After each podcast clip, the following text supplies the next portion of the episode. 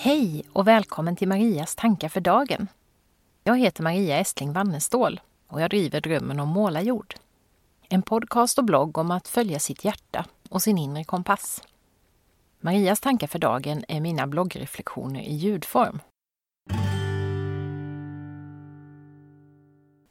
För ett par år sedan gjorde jag ett antal tillbakablicksinlägg där jag samlade tidigare poddavsnitt utifrån olika teman. Det blev sex stycken i poddtoppen, alltså de mest lyssnade avsnitten. Poddar med världsförbättrarfokus. Poddgäster som bygger vår framtid, alltså mina yngsta poddgäster. Med välfyllt bagage, alltså mina äldsta och mest erfarna poddgäster. Byta bana. Och med skapande i fokus. Nu blev jag sugen på att återigen vittja min stora skattkista av poddsamtal med en tematisk utgångspunkt. Så här kommer några nya tillbakablickar. I den första har jag samlat på klokskaper från de yogalärare som varit gäster i podden. Den första var Kina Persson, som sorgligt nog gick bort alldeles för tidigt, ett par år efter att vi träffats. Det jag minns särskilt tydligt från vårt samtal var för det första Kinas upplevelse av att yogan fick henne att våga möta sin smärta och hitta tillbaka till livet igen efter att ha drabbats av en ryggskada som lett till stora fysiska begränsningar.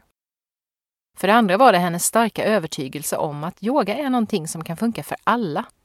Kan du inte sitta eller ligga på golvet kan du yoga sittande på en stol. Och för det tredje var det hennes stora önskan om att sprida yogan till våra barn. Som ett verktyg för att hitta lugn och ett eget inre rum i en värld med högt tempo, mycket aktivitet och många intryck. Du kan lyssna på några guldkorn ur vårt samtal i drömkorn nummer 10 eller på hela samtalet i avsnitt nummer 10. Yogalärare nummer två var Maria Ståhl som jag lärde känna i yogastudion där jag älskade hennes klasser som alltid inleddes med en stunds reflektion utifrån ett specifikt ämne. Och ofta med ett litet medskick ur någon inspirerande bok. På senare år har vi också förenats i vår gemensamma kärlek till skrivandet. Det var Maria som tipsade mig om meditationsläraren Tara Brack vars kurs i meditation och mindfulness jag deltog i för några år sedan. Vilket inspirerade mig att börja lägga ut meditationer på Insight Timer där Tara också har många fina sådana. Jag tror att det viktigaste jag tog med mig från poddsamtalet med Maria var påminnelsen om att yoga är så mycket mer än det som händer på yogamattan. Det är ett förhållningssätt till hela livet. Det handlar om närvaro, acceptans och intentioner och har många paralleller med ACT, Acceptance and Commitment Training, som jag är utbildad i och som går som en röd tråd genom såväl mitt privatliv som det jag sysslar med professionellt numera. Du kan lyssna på hela poddsamtalet med Maria i avsnitt 51. Den tredje yogaläraren jag mötte i podden var före detta nyhetsankaret Ulf Wallgren som jag tillbringade tre intensiva timmar med i yogastudion i Stockholm där han arbetar.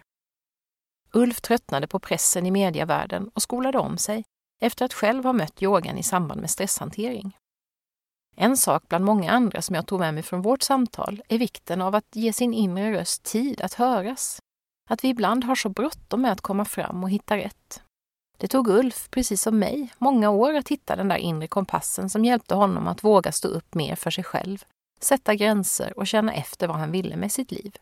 Och han menade att det var yogan som hade hjälpt honom dit. Mitt långa poddsamtal med Ulf hittar du i avsnitt 59.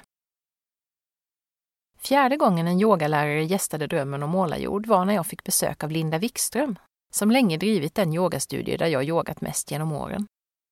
Linda och jag pratade om att bland annat sociala medier ibland kan förmedla bilden av yoga som ett ouppnåeligt ideal. Vackra, smala, smidiga människor i avancerade positioner i solnedgångar på stränder. Snarare än som en vardaglig praktik och inställning till livet som alla vi människor har tillgång till. Något annat jag påmindes om i vårt samtal är att försöka slappna av och ha tillit till att det vi längtar efter kan bli verklighet utan att vi själva styr varje steg i processen. Svårt men väsentligt har jag lärt mig. Samtalet med Linda hörde vi avsnitt 75. Vanja Bengtsson är min femte yogalärare på besök i podden.